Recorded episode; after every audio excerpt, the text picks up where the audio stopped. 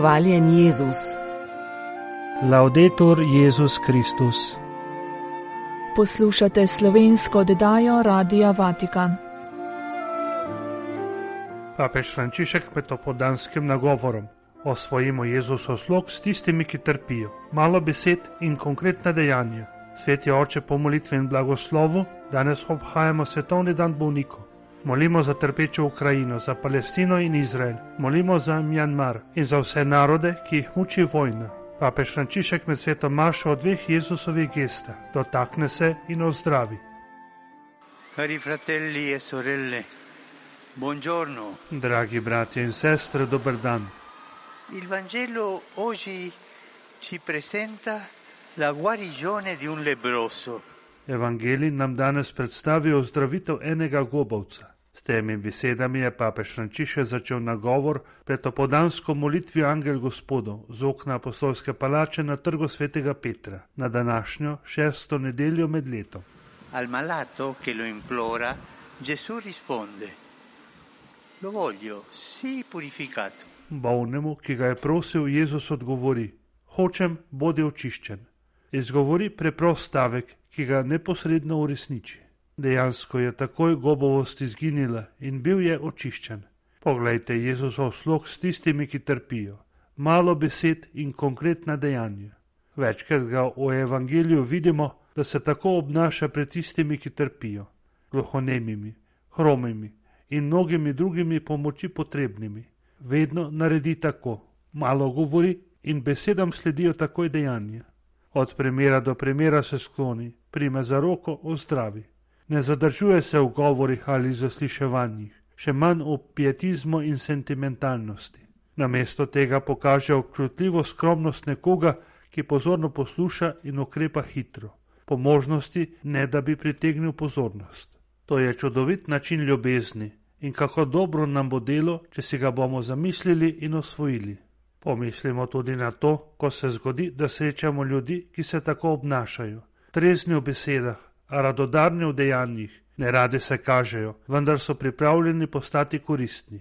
Učinkoviti pri pomoči, ker so pripravljeni prisluhniti. Prijatelji, prijateljice, ki jih lahko vprašaš, ali mi želiš pomagati, zaupanjem, da slišiš odgovor skoraj z Jezusovimi besedami. Da, hočem, tukaj sem zate. Ta konkretnost je še toliko bolj pomembna v svetu, kot je naš, v katerem se zdi, da se menljiva virtualnost odnosov vse bolj uveljavlja.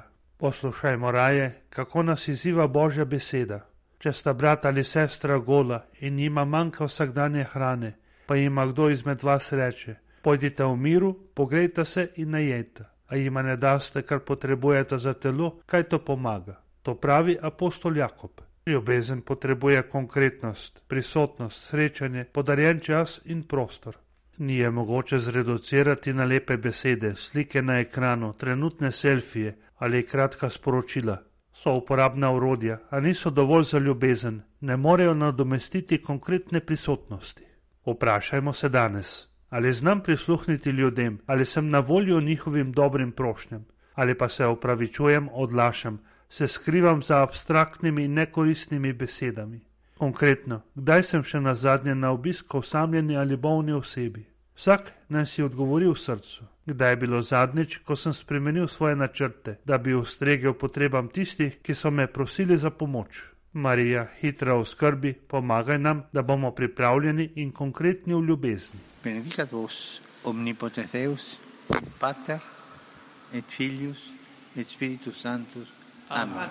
Po molitvi in blagoslovu je sveti oče spomnil na današnjo kanonizacijo mame Antule, prav tako pa, da na god blažene luške device obhajamo svetovni dan bolnikov. Papež se ne utrudi prositi za mir. Danes je povabil naj molimo za mučeno Ukrajino, za Palestino in Izrael. Molimo za Mjanmar in za vse narode, ki jih muči vojna. Si celebra oggi, nella memoria della Beata Vergine di Lourdes, la giornata mondiale del malato. Danes na spomin blažene luške device obhajamo svetovni dan bolnikov, ki letos opozarja na pomen odnosov bolezni. Prva stvar, ki jo potrebujemo, ko smo bolni, je bližina bližnjih, zdravstvenih delavcev in v srcu bližina Boga. Vsi smo poklicani biti blizu trpečim, obiskovati bolnike, kot nas uči Jezus v Evangeliju. Zato želim danes izraziti svojo bližino in bližino celotne cerkve vsem bolnim in najbolj krhkim ljudem. Ne pozabimo na božji slog, na bližino, sočutje in nežnost. Toda na ta dan, bratje in sestre, ne moremo mimo dejstva, da je danes veliko ljudi, ki jim je odrekana pravica do oskrbe in s tem pravica do življenja. Mislim na tiste, ki živijo v skrajni revščini, mislim pa tudi na vojna ozemlja. Tam se vsak dan kršijo temeljne človekove pravice. Neuzdržno je. Molimo za trpečo Ukrajino, za Palestino in Izrael, molimo za Mjanmar in za vse narode, ki jih muči vojna. Papež Frančišek je v nedeljo 11. februarja na šesto nedeljo med letom predsedoval sveti Maši z obredom kanonizacije, med katerim je razglasil za sveto Marijo Antonijo od svetega Jožefa, znano kot mama Antula, ustanoviteljico doma duhovnih vaj v Buenos Airesu, ki je bila rojena leta 1730 v Selipici Santiago del Estero in umrla 7. marca 1799 v Buenos Airesu. La prima lettura e il Vangelo parlano della lebbra. Prvo berilo in evangeli govorita o gobavosti, bolezni, ki pomeni postopno telesno uničenje človeka in je žal pogosto tudi danes v nekaterih okoljih pridružena izključenost. Gobavost in izključenost. Enega in drugega zla Jezus hoče osvoboditi človeka, ki ga sreča v evangeliju. Poglejmo njegov položaj. Ta gobavec je prisiljen živeti zunaj mesta.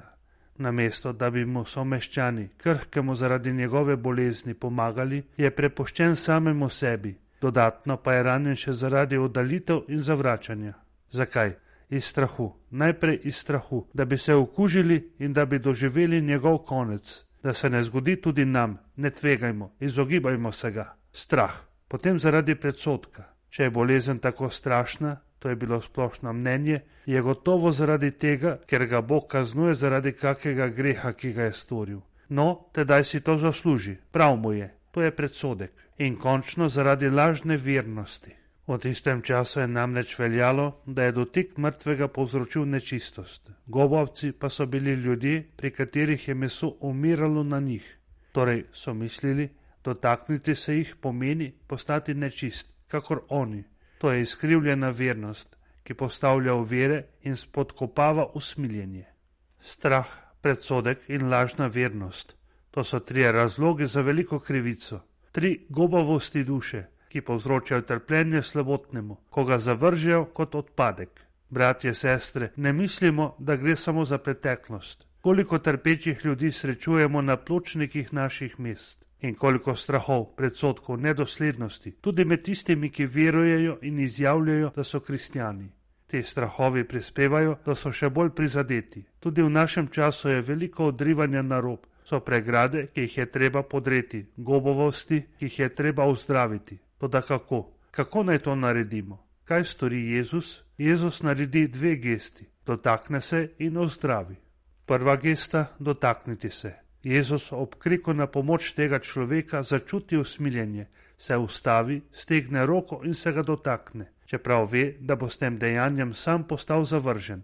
Vlogi se bosta paradoksalno celo zamenjali. Ko bo bolnik ozdravljen, bo lahko šel k duhovnikom in bo ponovno sprejet v skupnost. Jezus pa ne bo mogel več vstopiti v nobeno naseljeno središče. Gospod bi se tedaj lahko izognil dotiku tega človeka, dovolj bi bilo, da bi ga ozdravil nadaljavo. Vendar Kristus ni takšen. Njegova pot je pot ljubezni, ki se približa tistemu, ki trpi, ki stopi v stik, ki se dotakne njegovih ran. Gre za božjo bližino. Jezus je blizu, Bog je blizu. Naš Bog, dragi bratje in sestre, ni ostal oddaljen na nebu, ampak je v Jezusu postal človek, da bi se dotaknil naše revščine pred najhujšo gobovostjo, pred grehom, je brez oklevanja umrl na križu, zunaj mestnega obzidja, zavržen kot grešnik, kot gobavec, da bi se do dna dotaknil naše človeške stvarnosti. Neki svetnik je zapisal, da je za nas postal gobavec. In mi, ki ljubimo Jezusa in hodimo za njim, ali znamo posvojiti njegov dotik? Ni lahko in biti moramo budni, ko se v srcu pojavijo zgibi, ki nasprotujejo njegovemu postati bližnji in njegovemu postati dar, kot naprimer, kadar se oddalimo od drugih, da bi mislili na se, ko svet skrčemo na zidove svojega dobrega počutja, ko verjamemo, da so problem vedno in samo drugi.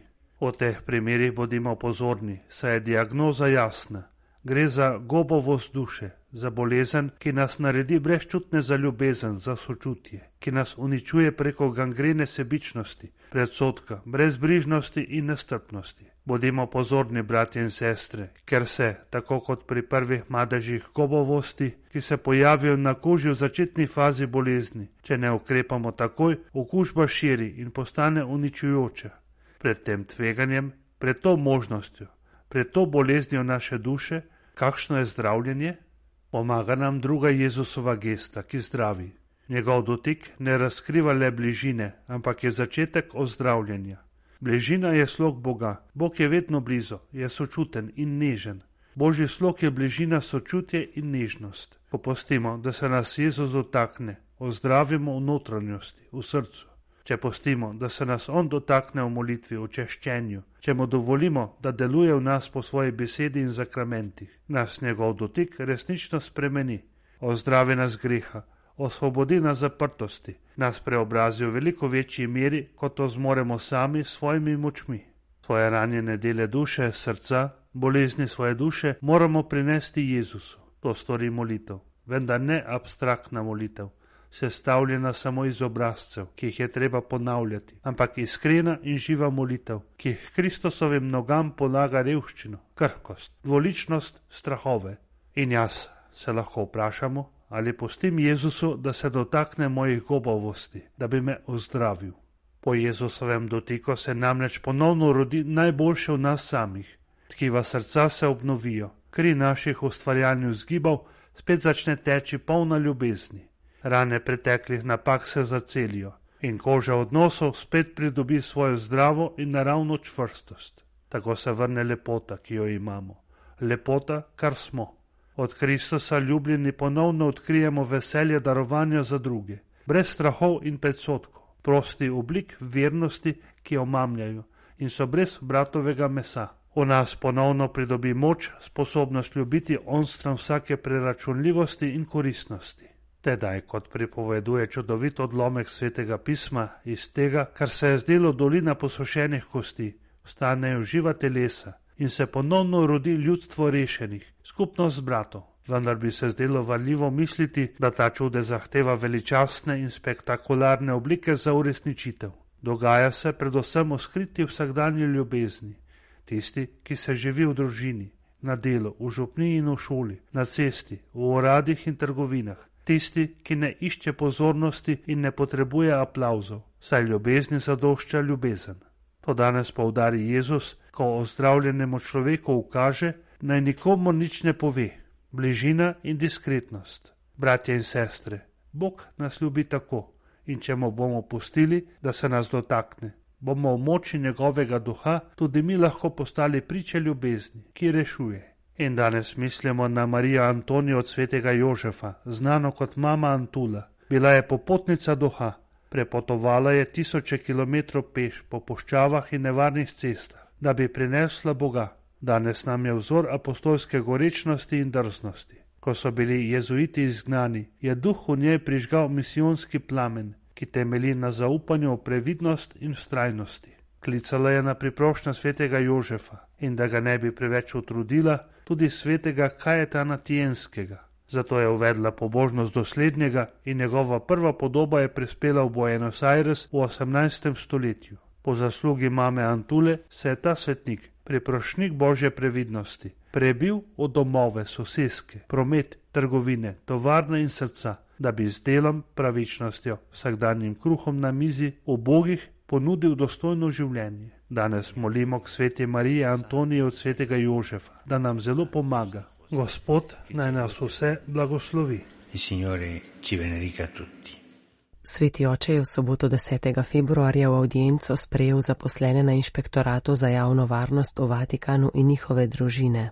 Na začetku govora se jim je želel zahvaliti. Prima di tutto grazie per il lavoro fedele e paziente Najprej hvala za zvesto in potrpežljivo delo, s katerim vsem, ki prihajajo v Vatikan iz Italije in iz tujine, omogočate, da kot romari živijo trenutke vere in molitve ali kot turisti preprosto trenutek počitka v mirnem ozračju reda in varnosti.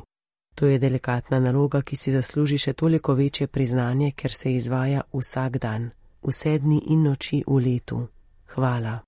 Prav tako bi se rad zahvalil vam in vašim družinam za razpoložljivost in prilagodljivost, s katero skrbite za mojo varnost ter za varnost mojih sodelavcev na potovanjih ter obiskih po Rimu in drugih italijanskih krajih. Zaradi tega imate pogosto neugodne in težavne urnike in logistične naloge. Iz srca vam hvala. Po zahvalah je papež Frančišek zaposlenim na inšpektoratu za javno varnost dejal, da je njihovo delo večplastno, saj vključuje potrpežljivo preventivo, čuječnost na terenu, odzivanje na nepredvidljive situacije, ki so včasih tudi nevarne. Po papeževih besedah jih v večini primerov rešujejo diskretno in neopazno. Za to delo je potreben pogum, taktnost, trdni živci, pozornost ter razumevanje za potrebe in kritičnost tistih, ki prosijo za pomoč, pa tudi tistih, zaradi katerih morajo posredovati, kadar se neprimerno vedejo.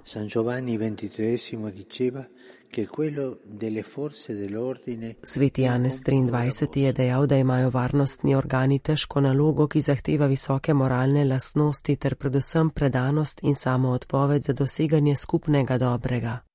Zato vas je imenoval dobri služabniki človeške skupnosti in ustvarjalci miru v družbi. Gre za pomenljive besede, ki dobro izražajo tako pričakovanja, ki so včasih zelo zahtevna, kot tudi ideale, ki vas navdihujejo skupnega dobrega in miru v družbi se ne improvizira, prav tako ne uspevata vedno spontano. Zaradi luči in senc naše človeške narave, omejene in ranjene zaradi greha, je potrebno, da obstajajo tisti, ki spričo zla ne opazujejo, ampak prevzamajo odgovornost ter posredujejo, da bi zaščitili žrtve in ponovno vzpostavili red, pri čemer imajo vedno v mislih dobro vseh. Ed è forse proprio per questo Morda prav zaradi tega vašega osebnega prizadevanja modri avtomobili pogosto postanejo referenčna točka tudi za številne druge potrebe, ki so sicer manj institucionalne, vendar pa z človeškega vidika nič manj pomembne. Od prošen za informacije do manjših nepredvidenih dogodkov. Nekateri se na vas obrnejo zato, da bi izrazili svojo stisko ali ko se počutijo odrinjene in iščejo razumevanje in empatijo. Da, ker ljudje vedo, da kjer je uniforma, tam človek lahko zaupa in to je zelo pomembno. Ob koncu srečanja je sveti oče zaposlenim na inšpektoratu za javno varnost v Vatikanu in njihovim družinam podelil blagoslov ter jih izročil pri prošnji Božje matere in ad Angela Mihaela, njihovega zavetnika. Benedicat vos omnipotenteo, Pater et Filius et Spiritus Sanctus. Res lohnemo odlomko nagovora načkofa Stanislava Zoreta za šesto nedeljo med letom. Gre za zelo pomembna dejanja, ki ne razodevajo zgolj nekega bežnega srečanja med Jezusom in Gobovcem, ampak govorijo o drugačni podobi Boga, kot je bila v veljavi v tistem času. V Jezusu se Bog ne kaže takšen, kakršnega so si predstavljali farizeji in pismouki. Bog, ki je svet, daleč od vsakogar, ki je nečist, daleč od cestninarja, daleč od grešnika. V Jezusu pa se Bog razvlene kot tisti, ki ne zavrača gobovcev, ampak se jih dotika. Zakaj? Zato, ker Bog v vsakem človeku, tudi v tistem, ki je strmoglavi v najgloblje brezno greha in krivde, gleda svojega otroka, ki ga nad vse ljubi.